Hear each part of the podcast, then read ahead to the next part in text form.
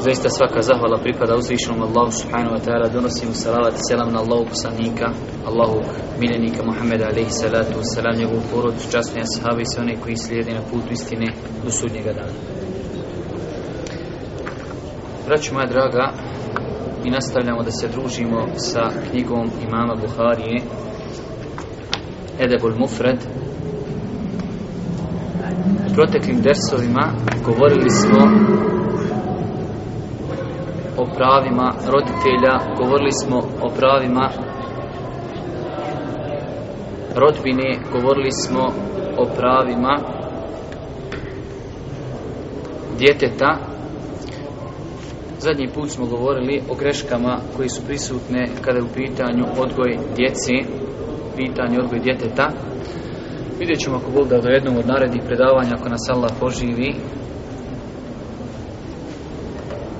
održimo ono predavanje koje smo spominjali kako djecu privoliti da klanjaju namaz. U svakom slučaju, iz određenih tehničkih razloga ja nisam mogao spremiti to predavanje, pa ćemo večeras nastaviti da se družimo sa ovom knjigom poglavlje odnos prema komši. Pokušat ćemo večeras prijeći nekoliko hadisa, spomenuti nekoliko grešaka vezanih za ovo poglavlje, pa ćemo vidjeti ako Boga vjerovatno će nam ostati toliko onaj hadisa da sljedeći put govorimo o ovoj tematici. Na samom početku, braću moja draga, treba spomenuti jednu veoma bitnu činjenicu, a to je ja dosta puta imam običaj kazati ne možemo mi očekivati kroz ova naša druženja i predavanja da uvijek čujemo nešto puno novo. Islam kao islam je zasnovan na riječima Allah subhanahu wa ta'ala, to je Kur'anu, na hadisima Allahu poslanika salatu ali insan kao insan zaboravlja i zato i je preporučeno da se obnavlja znanje koje čovjek zna o zekir fe inna zikra mu'minina ti upominje opomeno će koristiti vjernicima tako je ovo poglavlje vjerovatno svi mi smo mnogo puta slušali o pravima komšije u islamu ali sam ubijeđen velikim ubijeđenjem da ćemo svi mi čuti nešto novo, a isto tako ako Bog obnoviti oni stari informacije koji smo imali o ovoj tematici. Islam, braću moja draga, u svome savršenstvu nije ostavio jednu stvar nedefinisanom, tako i ovo pitanje, insan kao insan je društveno biće, ne živi sam, živi znači u društvu i neminovno je da ako živi u društvu, da tu bude i komšija. Samim tim in Islam je precizirao kako čovjek treba da se odnosi prema komšijama, sve kako bi ako Bog da sretno i u harmoniji živio ovaj dunjalučki život. Nažalost, ljudi nisu svjesni te činjenici da Islam reguliše kako čovjek da živi na dunjaluku i ako se insan ponaša tako, živjet će ako Bog da sretno i zadovoljno. S druge strane, ako ostavi, onda Boga mi neka očekuje da živi teškim životom kao što kaže uzvišen Allah subhanahu wa a onaj ko okreni glavu od knjige moje taj će teškim životom živjeti tako da ovo danas što vidimo kada je u pitanju život jednostavno ljudi se zaista muče u životu nije ništa drugo do zapostavljanja islama kaže imam Buharija rahmetullahi alihi znači u prijevodu vesijet o komšiji tom poglavlju nam citira hadis poznati hadis Aisha radi Allahu ta'ala anha da je kazao Allah poslanik alaihi salatu wasalam nije prestao Džibril da mi oporučuje dobročinstvo prema komši toliko znači je ponavljao i nije prestao da to ponavlja da sam pomislio da će on komši učiniti da će biti komši jedan od nasljednika Ovaj hadis je vjerodostojan. Nosi u sebi, braću moja draga, mnoge koristi. Pogledajte ovdje sam ovaj izraz ma zale Džibrilu. Zato ovaj hadis malo, znači, bi se mogla napraviti korekcija u njegovom prijevodu. Znači, kaže Allah poslanik toliko mi je, znači, nije u Džibril da mi ponavlja to svakako ukazuje na bitno. Zato ja kažem i mi međusobno treba da ponavljam. Kada je Džibril ponavljao Božijem poslaniku, onda i mi, braću moja draga, ne treba nikada da kažemo znamo, slušali smo, čuli smo, već treba da obnavljamo informacije koje znamo, jer Božji poslanik kaže nije prestao Džibril da mi to ponavlja, zbog bitnosti te tematike. Kaže i toliko mi je oporučivao, pazite ovdje na arapskom baš riječ vasijet, oporuka. Toliko mi je oporučivao dobročinstvo prema komši, da sam ja, kaže, razmišljajući o tome što mi toliko to preporučuje, da sam pomislio znači, na kraju reći, e on treba da ima mjesto u mirazu. Mi smo spominjali, braći draga, kroz ova naša druženja, ali, kažem opet, nema smetnje se ponovi, ima daif hadis na tu temu, ali njegovo značenje je ispravno, komšije u islamu se dijeli u tri vrste ili, hajde kažemo, u pogledu prava komšije možemo podijeliti u tri kategorije. Imamo kategoriju komšija koji imaju pravo samo komšijsko pravo, a to su komšije koji nisu muslimani. I na tu komšiju, zapamte ovo dobro što ću vam reći, na njega se odnose svi hadisi koji večeras čujemo to je ha, komšija koji je nemusliman. On potpada pod diječ komšija. I zato na, na njega se odnosi također svi hadisi koji govori o vrijednosti dobročinstva prema komšiji. Druga vrsta komšije jeste komšija koji je komšija i koji je musliman. On ima dva prava. Ima pravo što je komšija, ima pravo znači komšijskih odnosa, ima pravo što je brat musliman. I imamo treći koji ima najveća prava, to je komšija i musliman i rođak. On ima prava kao rodbina, ima pravo kao musliman i ima pravo kao komšija. Znači hadis koji govori o podjeli ovako je dajiv, ali njegovo značenje svakako ispravno. Ako pogledamo, braću moja draga, u hadise koji govori o komšiji našim odnosima prema komšijama, vidjet ćete da je Islam i ponovo i ovom poglavlju zauzeo, ajde da kažemo, središnji i pravi put. Kao što je bilo u poglavlju e, roditelja. S jedne strane je naređeno činjenje dobročinstva, s druge strane veliki, veliki grijeh da budeš nepokoran roditeljima. Isto tako kad smo govorili o rodbini, preporučeno paziti rodbinu, i veliki sevap i veliki, velika nagrada, a s druge strane kidanje rodbinskih veza je veliki grije. Tako i ovdje komšija, ne samo da je nama naređeno, budi dobar prema komšiji. Ali možeš ga nekad i uvrijediti, nema vezi. Ne. Komšija ima, znači, islam gleda na njega s dva aspekta. Prvo, naređeno nam je da mu činimo dobročinstvo. Da ga ne uznemiravamo, znači, u smislu da mu činimo dobročinstvo, a isto tako strogo nam je zabranjeno da uznemiravamo komšiju. Za dobročinstvo komšiji obećaje se džennet, kao što ćemo vidjeti, direktno i indirektno, kroz razno razne hadise, a za uznemiravanje komši isto se prijeti džehennemu. I to je ono što balansira čovjekov život, znači svakodnevni, naređeno je da činiš dobročinstvo komši s druge strane je strogo zabranjeno da čovjek uznemirava komšiju. Nažalost, živimo u teškim vremenima kada muslimani prvenstveno ne znaju šta su prava komšije, a da ne govorimo koliko to prakticiraju. Predislamski Arapi, žal, to je žalosno, kazati da su predislamski Arapi komšiju, ajde da kažem u datom momentu, i njegova prava smatrali svetim. Prije Islama komšija imao svoja velika prava.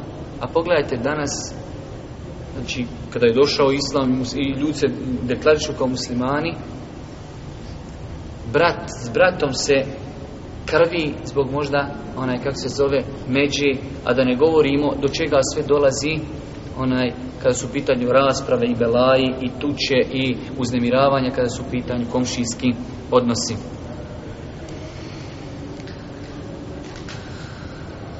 Zato ako želimo, braću moja draga, ispuniti ovaj vesijet kojeg je preporučio Džibril Božijem poslaniku jer on kaže toliko mi je oporučivao toliko mi je poruku ostavljao onda treba da se podučimo pravima komšije i da podučimo se šta to sve ne trebamo činiti. Zato ćemo mi danas ako stignemo početi govoriti o greškama koje su prisutne u životu našim, kada je u pitanju naša relacija sa komšijom. Pa ćete vidjeti dosta stvari, Bogam, kad se spomenu, uf, pa zar je i tu, pa zar je i tu mnogo toga što čovjek ne pomisli da je zabranjeno i da je uznemiravanje komšije ono jeste. Drugi hadis kojeg imam Buharija spomenuo u ovom poglavlju jeste hadis koji, braću moja draga, svakako zauzima jedno veliko mjesto u islamu.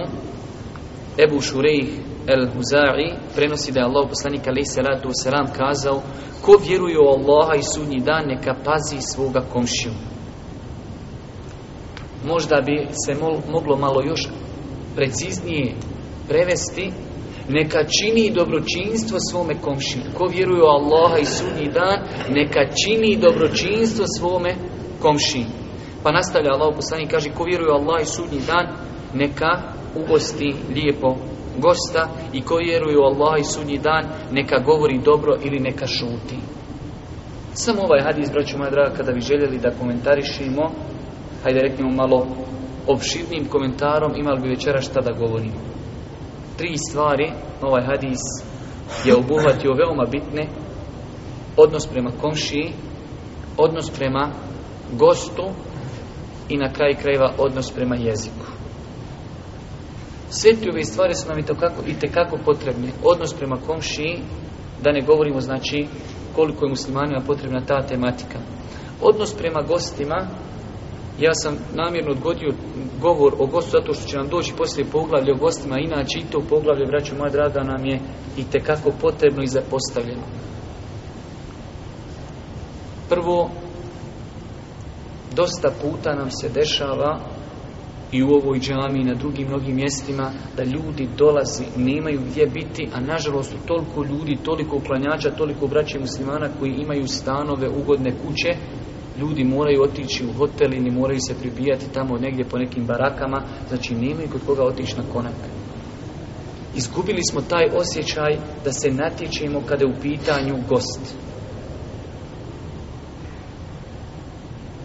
Zato znači trebalo bi da bude da čovjek kada je na jaci namazu, ko što su činili ashabi, imate tamo predaje, ali radi Allahu anhu kaže došao u, u u Harem dole pa kaže, obraća se čovjeku, kaže vidim da si stranac, jesi ti završio svoje potrebe, imaš li gdje noćit?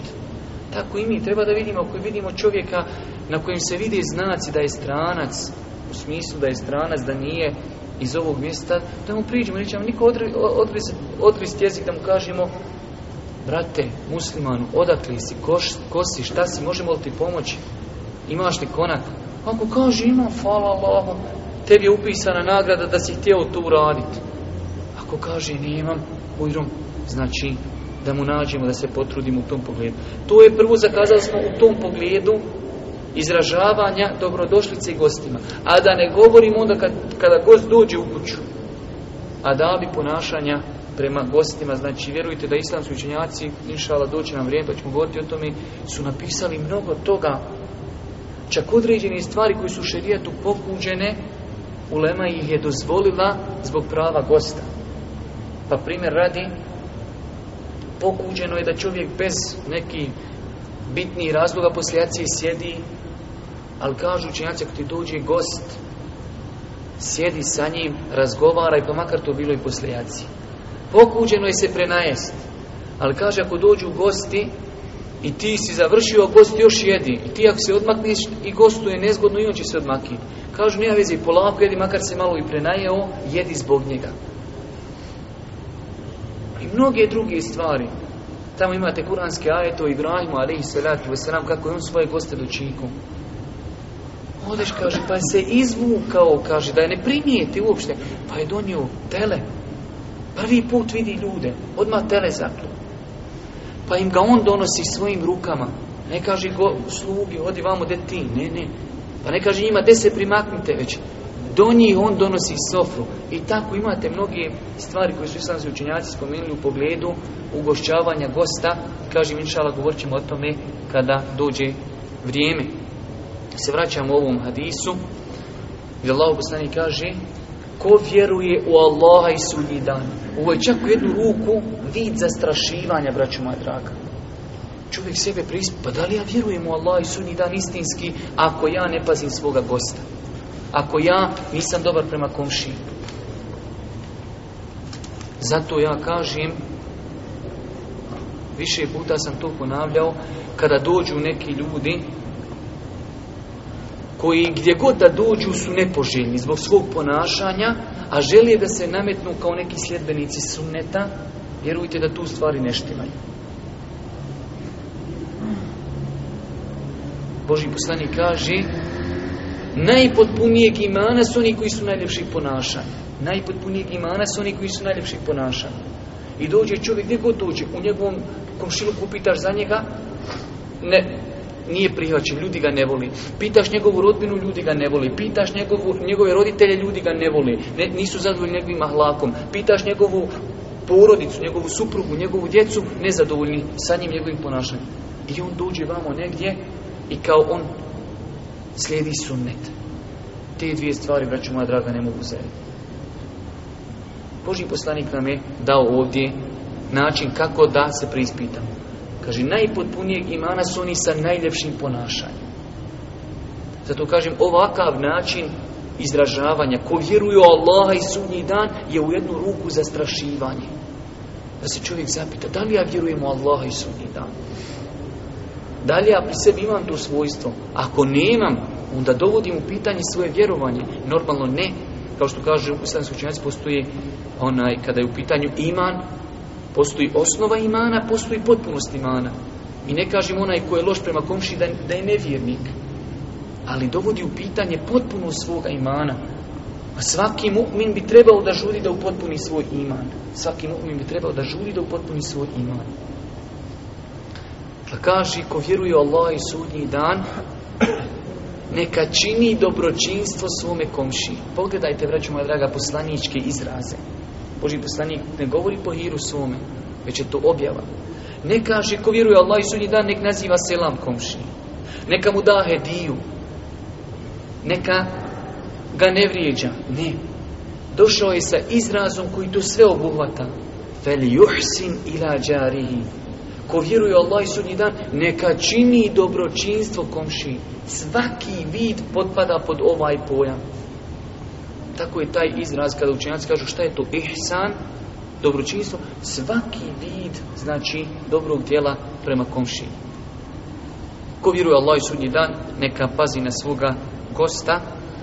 Ko vjeruje Allah i sudnji dan, neka govori dobro ili neka šuti. Ovaj hadis nas, vraća moja draga, u jednu ruku indirektno postići na ilm i na znanje. Pazite, kaže Allah poslanik, ko vjeruje Allah i sudnji dan, neka govori dobro ili neka šuti.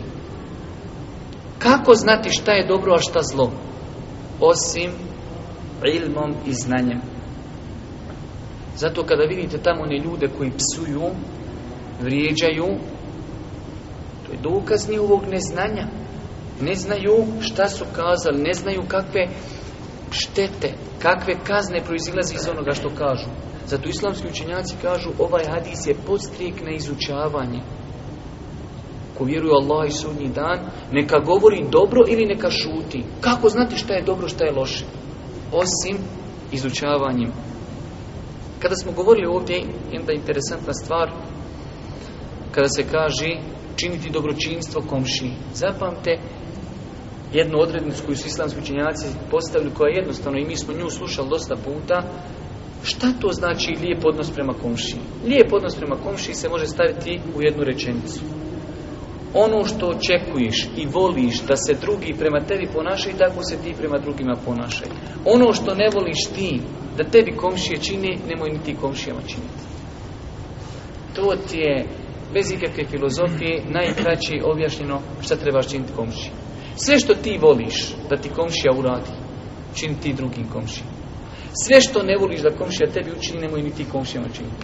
Ne voliš da te komšija uznemirava, nemoj ni ti njega. Da ti pušta muziku, nemoj ni ti njemu tuhat u stanu. Da ti baci smeće pred vrata, nemoj ni ti. Da ti parkira auto na tvoj ulaz, nemoj ni ti njemu. I tako, mnoge druge stvari, šta god ti ne voliš da tebi komšija čini, nemoj ni ti komši činiti. Nakon toga, Imam Buhari, rahmetullahi alihi, je citirao hadise u poglavlju koji je nazvao pravo komši. Jedan izuzetno interesantan hadis koji nosi u sebi jednu veliku korist. Kaže se od eh, Mihdada ibn Nesuda da je rekao Allahu poslanik alaih salatu wasalam upita ashabe jedne prilike o bludu. Znači, metoda Božih poslanika je bila da određene stvari kada bi želio da kaže postavio bi pitanje pa pita Allah poslanika sahabe o bludu. Šta je blud? Kakav je propis bluda? Pa kažu sahabi zabranjeno, haram. To je zabranio Allah i njegov poslanik. Kaže Allah poslanik ali salatu selam, da čovjek počini blud sa deset žina. to je lakše i to je manje nego da počini blud sa ženom svoga komši. Pa Allah poslanik pita o krađi. Šta je krađa? Kakav je propis krađe? Pa kažu oni haram. Zabranio Allah, zabranio poslanik hadisima. Kaže Allah poslanik se da čovjek ukrade od deset ljudi, od deset kuća manje je i lakše je nego da ukrade od svoga komšije. Ovaj hadis, braću moja draga,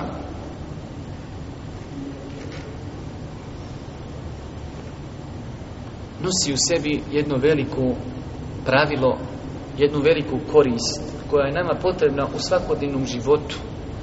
Nažalost, primijetno da ljudi ne svataju i ne znaju to pravilo. A tu je, braću moja draga, da određen grijeh, iako je grijeh, pa makar bio i veliki grijeh, na taj grijeh se može gledati s različitog aspekta i taj grijeh, ne samo da je veliki grijeh, može biti još veći grijeh zbog onoga prema kome se čini taj grijeh. I vidjet ćete, navješimo nekoliko primjera kako biste shvatili, kako bismo možda, ne daj Bože, i sebe u nekim tim stvarima prepoznali. Kažu ashab Boži poslaniku, haram je činiti blud. Haram, zabranjeno. Ali šta kaže Boži poslanik? Da deset puta blud učiniš je manje nego jednom učiniti blud sa ženom svoga komši. Znači nije isto učiniti blud sa ženom od komši i samo onako učiniti blud. Zato čovjek treba da se prispita, znači ovo su veoma bitne stvari, Kažu učenjaci, ovo vam spominjem, ima jedan govor od Ibn Qajima u jednoj knjiga, ja ne znam da li je ta knjiga prevedena, zato se ne mogu pozvati na nju, ali znači govor Ibn Qajima koji govori samo o ovoj tematici. Nije isto da čovjek učen uradi grijeh i da ga uradi neko koje je neznalca. Tu sebe mi možemo preispitati. Mi određene stvari znamo da su grijeh pa ih činimo. A to nije isto kao onaj ko čini a ne zna da je to grih ili ne zna koliki je to grijeh. To je, kaže, nakon što naš narod rekao, grhota je to, grijeh je to. Ali on nema pojma da je to veliki grijeh, da se to prijeti džehennemu, da to možda izvodi izvjeri. Ali onaj ko to zna, njemu je to gori. Zato alim kad učini grijeh nije isto kada to učini obični insan, hajde da kažemo obični insan. Također, primjer radi, počiniti grijeh, evo rećemo konkretno bluda, sa nekom tamo ženom koja je nepoznanica neka i sa ženom koja ti je rodica. Nije isto. Veći je grijeh počiniti blud sa ženom koja je rodica. Počiniti blud sa komšinom ženom nije isto kao počiniti blud sa ženom koja je negdje dalje. Počiniti blud od strane starog čovjeka nije isto kao počiniti blud od mlade osobi. Haram je mladoj osobi da počini blud. Ali je veći haram da to učini stara osoba. Kako to sam?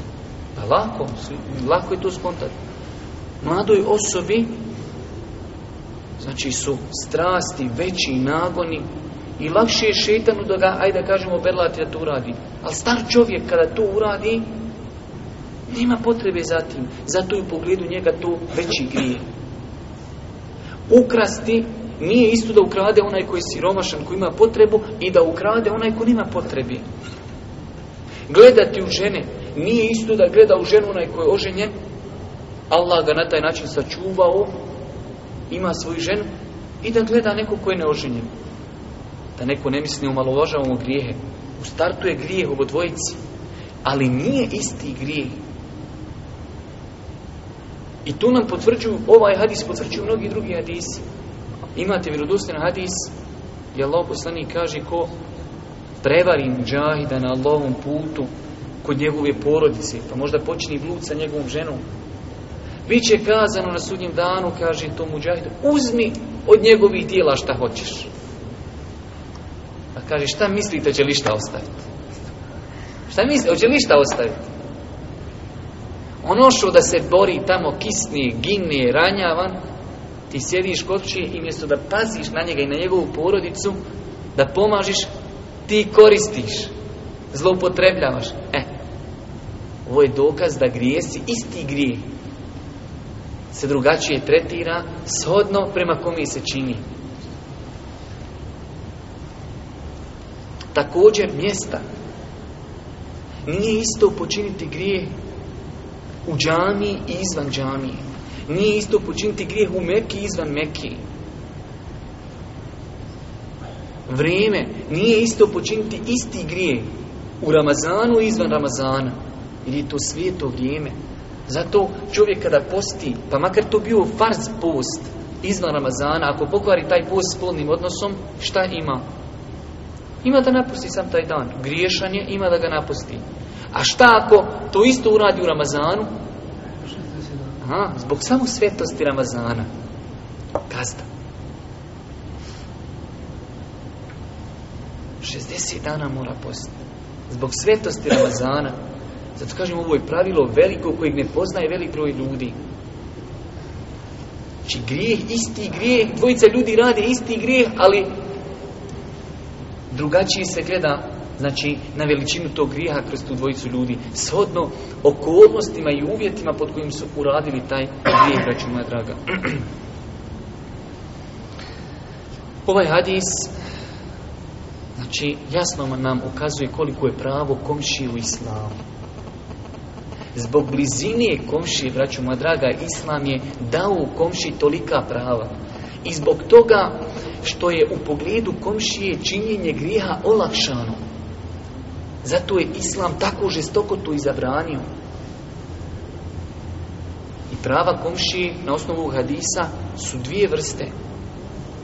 Moralno pravo i to je ono čuvanje časti njegove. I na kraj krajeva i materijalno pravo da ne kradeš od njega. Kada hoće doći lopovi ukrasti od komšije, ukrasti od nekoga tamo u drugom nasilju, i mu je teško da dođe, da gleda kad je on u kući, kada je iskući, gdje je to ostavio, zato što će ljudi primijetiti da on to špionira.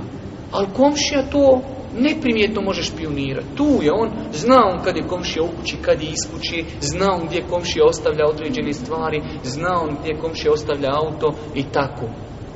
Zato je Islam, da bi ojačao te veze, da bi spriječio sve ono što će uzrokovati kidanje tih veza, ovako žestoko zabranio znači uznemiravanje komši. Zato kažem, ova tematika ima svoju bitnost. Da čovjek nije svjestan kako može u toku svakog dana činiti možda harame, on ne zna da to čini. S druge strane, bitnost ove tematike se ugleda da je ona pokazatelj savršenstva Islama.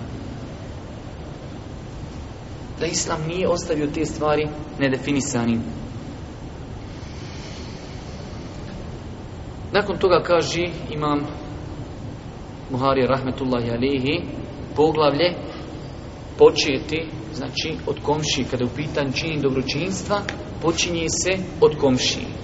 pa nam u tom poglavlju citira isti onaj hadis, samo ga sad ovaj put citira od Ibnu Omera, radi Allahu ta'ala anhu, da je Boži poslanik kazao, toliko mi je oporučivao Džibril komšiju i nije prestao da mi oporučuje da sam pomislio da će ga učiniti nasilnikom.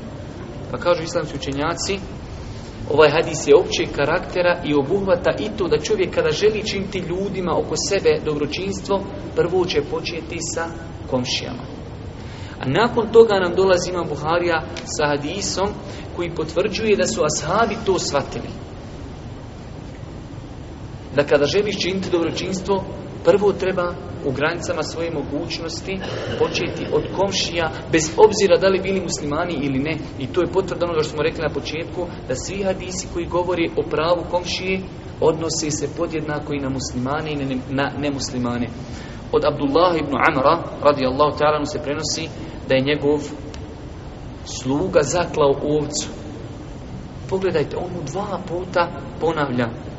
Da li si, kaže, dio mesa od te ovce odnio našim komši židovu? Pa opet, da li si dio tog mesa odnio našim komši židovu? I onda on kaže, ja sam zaista čuo Božih poslanika da kaže, toliko mi je oporučivao Džibril pravo komšije, da sam pomislio da će ga učiniti nasljednikom. I nije prestao da mi ga uporučuje. Vidimo iz ovoga pik razumijevanja sahaba da su oni shvatili da se ovaj hadis odnosi i na muslimane i na nemuslimane i da čovjek kada sutra hoće da čini dobročinstvo treba da počne od svoga košiluka. Opet nakon toga znači imam Buharija rahmetullahi citira isti hadis znači od Aiše radijallahu ta'ala anha. Nakon toga dolazi do poglavlja kao da čovjek, znači kao da Imam Buharija želi da da odgovor nakon što je rekao da treba činiti dobročinstvo komšijama, po kojim redu slijedu činiti komšijama dobročinstvo, pa je naslovio poglavlje dati prednost najbližim komšiji. Od Aiše radijallahu ta'ala se prenosi da je kazala Allahu poslaniće, ja imam dvojicu komšija. Kome da prije dam? Kome u pogledu dobročinstva da dajem prednost? Pa kaže Allahu poslanik, onome koje bliži. Ono mi bukvalno prevedeno, čija su vrata bliža tebi i tvojim vratima. Pogledajte, vraću moja draga, kako kratak hadis a tako nosi u sebi veliki i zlatni korist.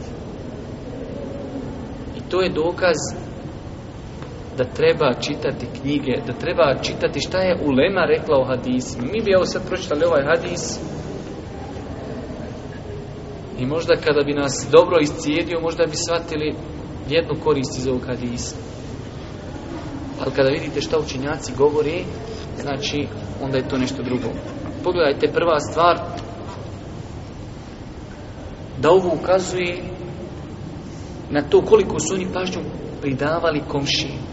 Do te mjere da ona pita, strahuje, da ne bi napravila kakav prekršaj, kaže Allah poslaniće, koji komšija ima kod mene veća prava? Već zna da imaju velika prava, ali koji komšija ima veća prava? Želim nekom da dam poklon, ali ne mogu dati svima. Imam jedan poklon, imam dvojicu komšija. Kome da ga dam? Kaže Allah poslanik, prioritetniji je onaj koji je bliži. Čak islamski činjaci pokušavaju da odgonijetnu zašto. Kaže, nekada iz razloga što onaj koji je bliži, zaista je bliži u svakom pogledu i više zna što se dešava u tvojoj kući. Onaj možda koji je malo dalji, on tebe nije vidio kada si prošao s pijaci i kada si odnio pune kese kući. Ali onaj koji je bliži možda je vidio. I onaj tamo dalje ne zna da ti imaš nešto u kući. Ali ovaj bliži zna. Onaj koji dalji možda ne čuje kada se kod tebe roštilja. Ali onaj bliži Boga mi preko zida a što komšo roštilja, ništa komšo roštilju i završu i sutra dan, ali ne, Bog ne posla Boga njemu ni jedan ćevapić. Zato se daje bliži. Zato što on više u toku. Zato što on zna više, hajde da kažemo, podataka o tebi i onome što se dešava u tvojoj porodici od onoga koji je dalje. Jedna veoma bitna korist koju islamski učenjaci spominju ovdje, a nama i tekako potrebna u svakodnevnom životu, jeste, vraću moja draga, da treba pitati prije nego što se uradi. Ja sam ovih dana malo se, hajde kažemo, aktivirao, čitao sam velik broj fetava, na stotine fetava, u jednom poglavlju sam želio malo da neke stvari, hajde kažemo, istražim, pa sam zaista, znači, čito mnogo na tu temu. Ali u velikom broju slučajeva su pitanja uradio sam to i to, šta ću sad? Uradio sam to i to, konkretno znači poglavlje braka, poglavlje međusobnog naslađivanja među supružnicima i većinom ljudi kažu ja sam već uradio to i to jel to dobro i kakav je grijeh i ima li kakvi kazni rijetko veoma rijetko se desi čovjek kaže ja se želim ženiti šta mi savjetuje, šta mi je činiti kako da se ponašam kakva su pravila igri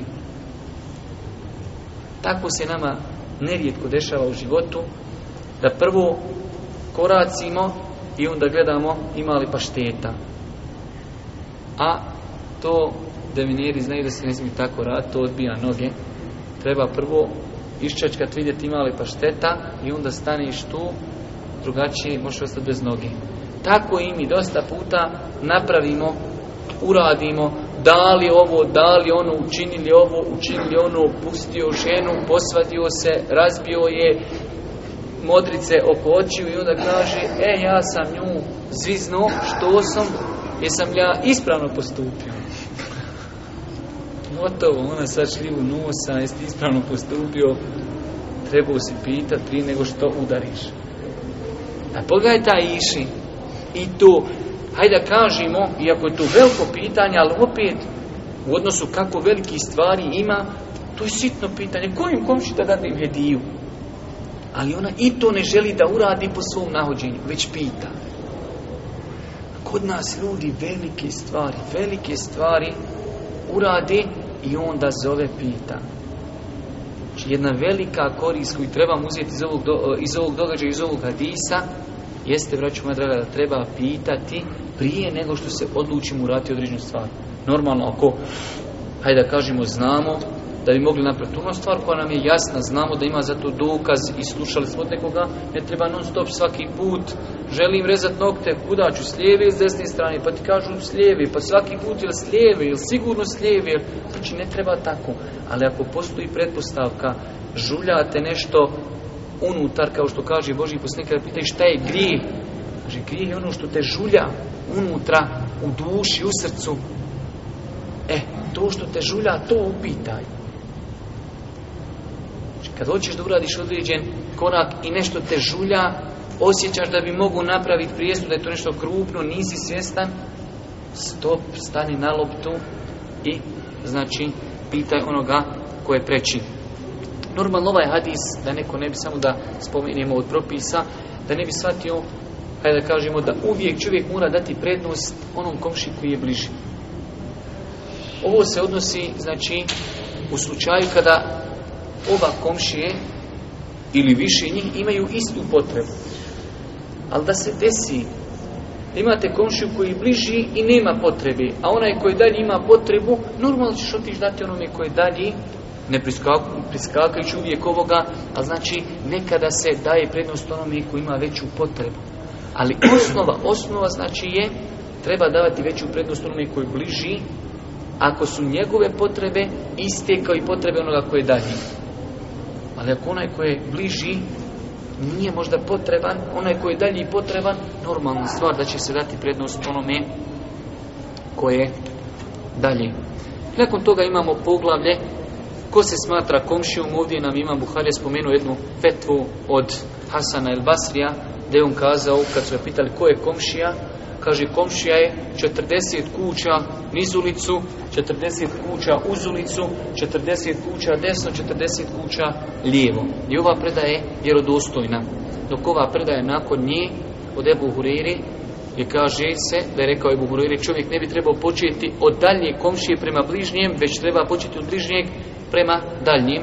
Znači ova predaja je daiv, ali imamo ovu predaju od Božih poslanika malo prije od eh, Aiše koja je vjerodostojna koja kaže dati prednost onima koji su bliži. Ovo je fetva od Hasana el Basrija gdje on kaže komšiluk je 40 kuća u svakom pravcu. Inače imate jedno pravilo koje također velik broj ljudi ne zna u pogledu komšija, a to je da sam termin komšiluk ljudi shvataju mnogo uže nego što on jest. Nije samo komšija, komšija onaj koji živi s nama, vrata do vrata do naših kući. Pojam komšije širi. Na kraju krajeva i država do države je komšijska država. I grad do grada je komšijski grad. I ulica do ulice je komšijska ulica. I čovjek koji ima radnju svoju, do tvoje radnje je komšija. I čovjek koji ima svoju zemlju tamo negdje, neka parcela, a ti živiš ovdje, ali gore je parcela i on je komšija. Pa na kraju krajeva i čovjek s kojim putuješ možda u autobusu, nahač i u avionu i on je u jednu ruku komšija. Znači pojam komšije je malo širi.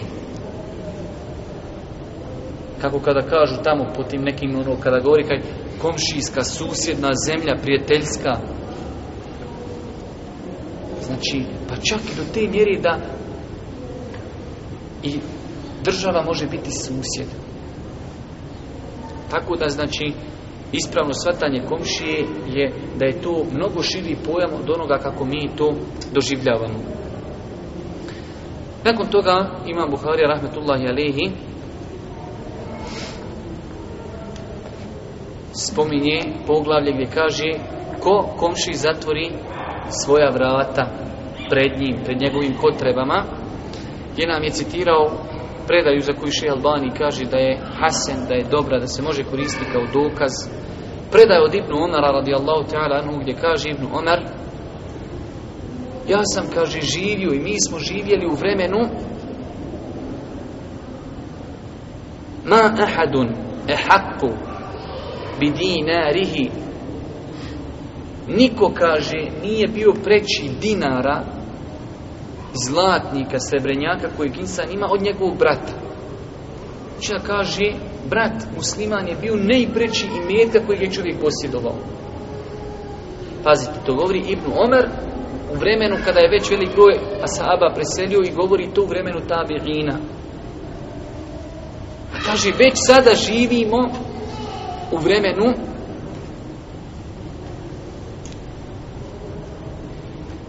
ثم الان الدينار والدرهم وحب الى من المسلم A sada je, kaže, dirhem, srebrenjak i zlatnik draži jednom od nas od njegovog brata.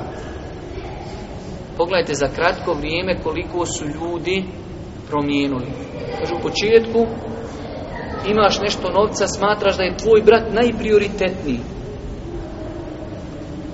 nakon kratkog vremena kaže ljudima je postao novac draži i preći od brata. Šta bi onda Abdullah ibn Omar rekao danas kad bi došao? On bi sam ustao i opet bi umro. Allah najbolje zna. Kada bi vidio kakvi su međubratski odnosi među ljudima, odnosno kakav je odnos ljudi prema Dunjaluku. Danas su ljudi, znači nekada je bilo da mu je preći Dunjaluk od brata muslimana. Danas mu je Dunjaluk preći od njegove vjeri, što je mnogo veći. Čovjek ostavlja nama zašto je ostavljaš? Nemam kad, kaže, trčim, žurim, moram raditi. I mnoge druge stvari koje ukazuju da ljudi daju prednost Dunjaluku nad vjerom. I onda Abdullah ibn Omer kada je konstatirao tu stvar kaže ja sam čuo Allahu poslanika alaih salatu wasalam, da je rekao koliko će, kaže, samo biti na sudnjem danu oni, kako bi se mogle gore oni naše sestre upozoriti, ima li kako dijete da može gore otići i rekli haj ti braco, ti možeš, ti si ovako, ti gore, reci sestra, ima dole predavanje, reci, vaša djeca smetaju. Otiđi gore na, na ženski ulaz. Deseka, pazite gore na tu djecu, Allah te nagradio. Mi smo vaše komšije, a ne slušate vi desu komšiluku. Ali eto, može kod nas svašta. Kaže Allah poslanik, Abdullah ibn Umar kaže, na osnovu toga što je vidio, kako se ljudi odnose prema braći muslimanima, kaže koliko će samo biti na sudnjem danu oni koji će se okačiti u svoga komšiju govoreći gospodaru ova je zatvorio svoja vrata predamnom i nije me pazio, nije mi činio dobročinstvo. Jedna veoma bitna stvar iz ovog hadisa, braćo moja draga, da će se za odnos prema komšiji polagati računi na sudnjem danu i da će komšije jedni druge tužakati na sudnjem danu, kao što je opisano u Kur'anu, babo bježi od svog sina. Kaže, dao bi čovjek sve, čita u planetu, sam da se on iskupi. A to čovjek gdje, gdje god koji adut imatni, da nešto ušićari komšiju, on će njega ucrniti, znači gdje god je koji i minus imao komšija, sve će se to spomenuti.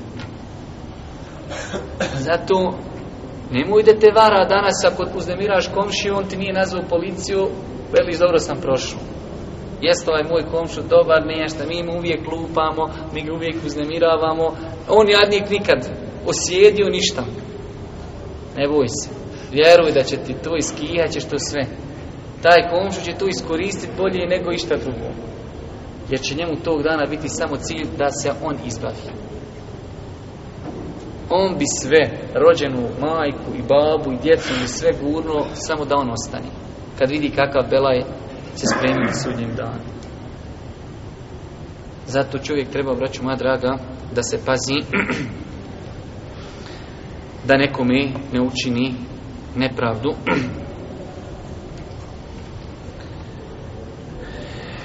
Nakon toga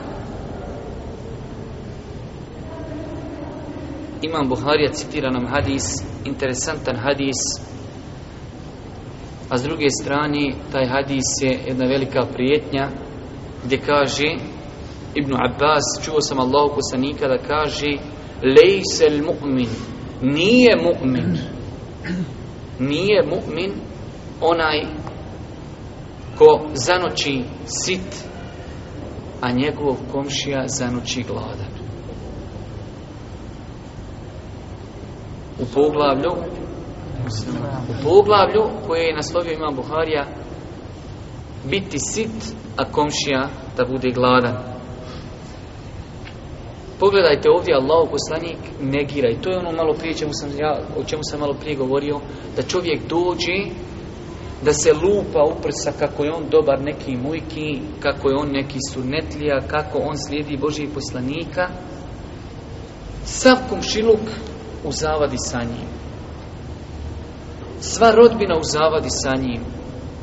Niko od prijatelja Jarana njegovo ponašanje ne simpatiši.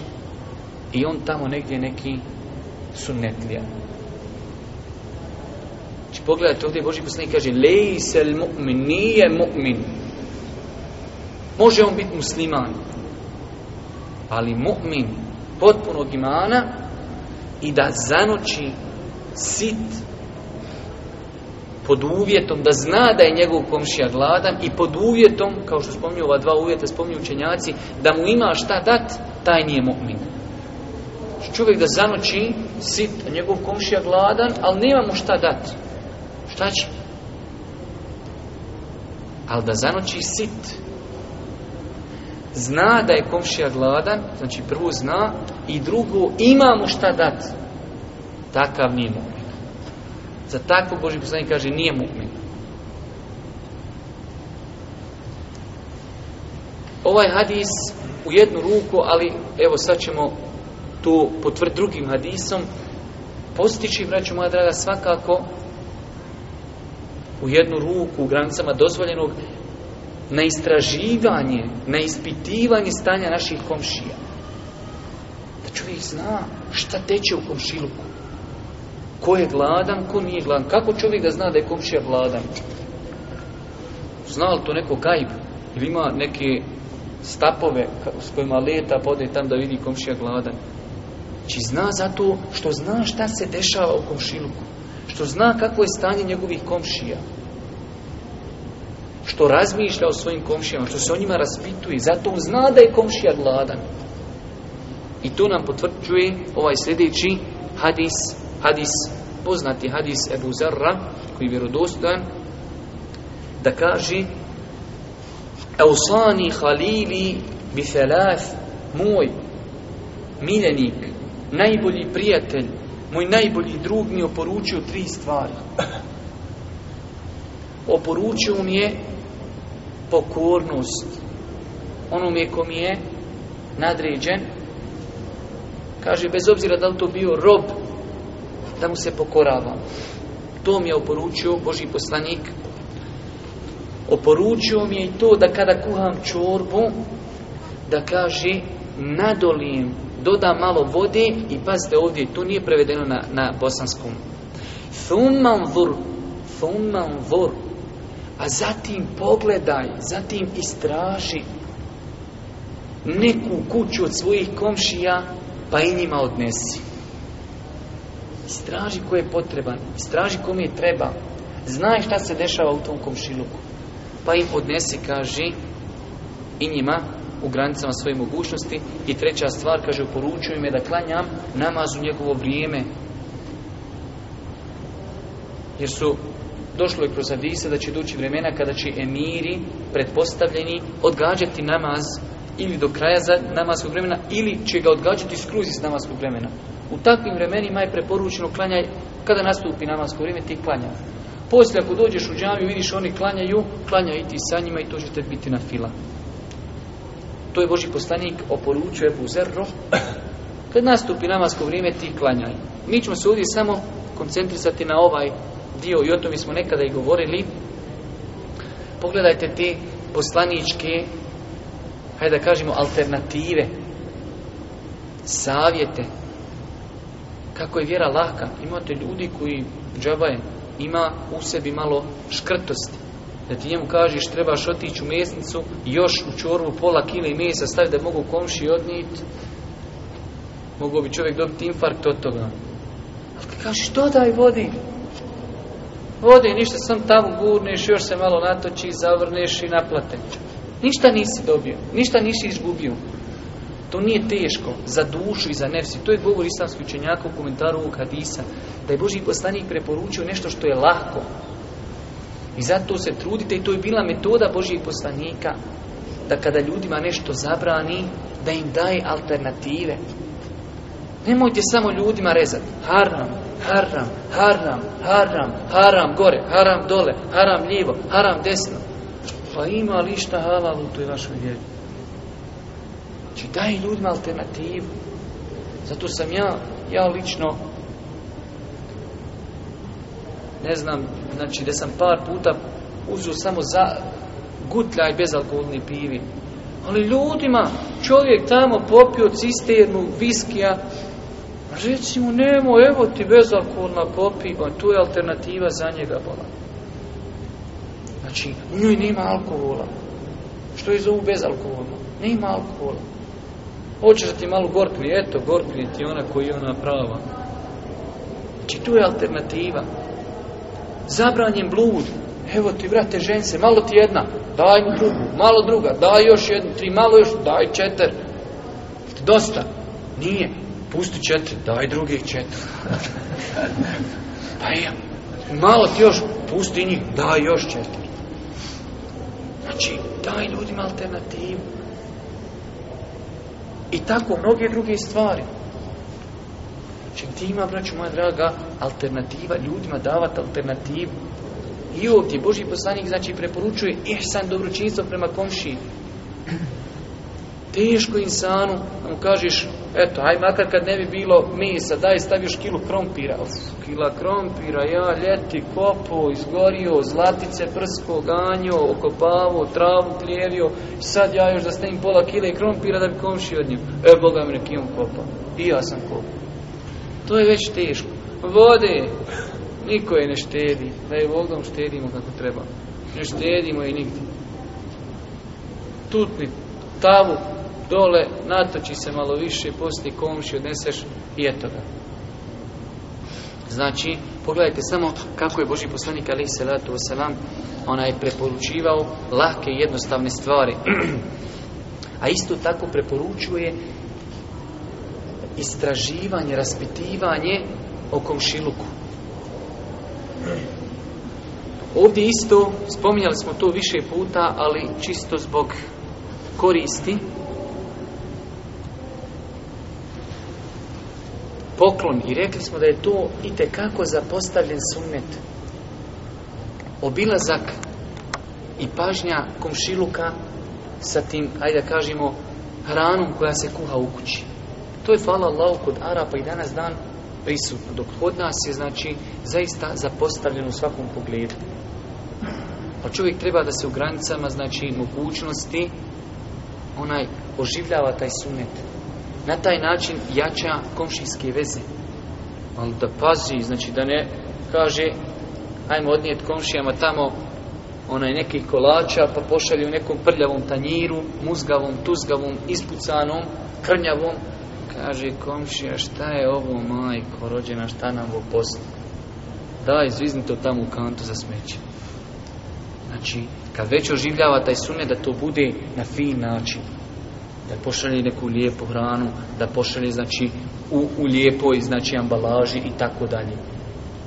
I treba te stvari znači oživljavati jer rekli smo i to vjerujte baš danas slušam u komentaru ovih hadisa nije poklon ciljan vrijednošću poklona već je poklon ciljan da bi se dokazala osobi da čovjek misli na njega, da on kod njega ima vrijednost. Danas slušam jednog šeha u Medini komentariše ovaj hadis. Kod njega dolazi stranci, studenti, normalno na, na dersove kao što smo i mi išli dok smo bili tamo.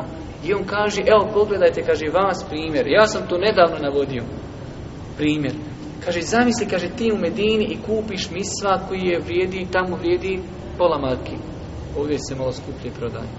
E, i kaže, ti dođeš, kaže, u svoju tamo državu i kažeš komši, ali zaista kupuješ njemu i kažeš komšija, zaista ja nemam više para, ti kod mene vrijediš mnogo više, ali ovaj mitzvah sam kupio maksu za tebe, tebi.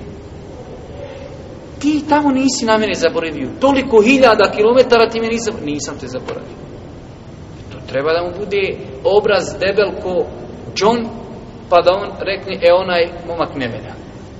E jes, brate, bezobrazan što mi je donio Es Esti, te isram, bilo što mi donese mitzvah. Normalno da neće. Osim, rekli smo, ako mu je obraz deblji od džona i to onoga od onih cipila protiv mina, debeli, znači tada će možda reći. Ali insan koji, koji je razuman, koji se boji Allaha, kaže tamo me nisi zaboravio i meni to donio.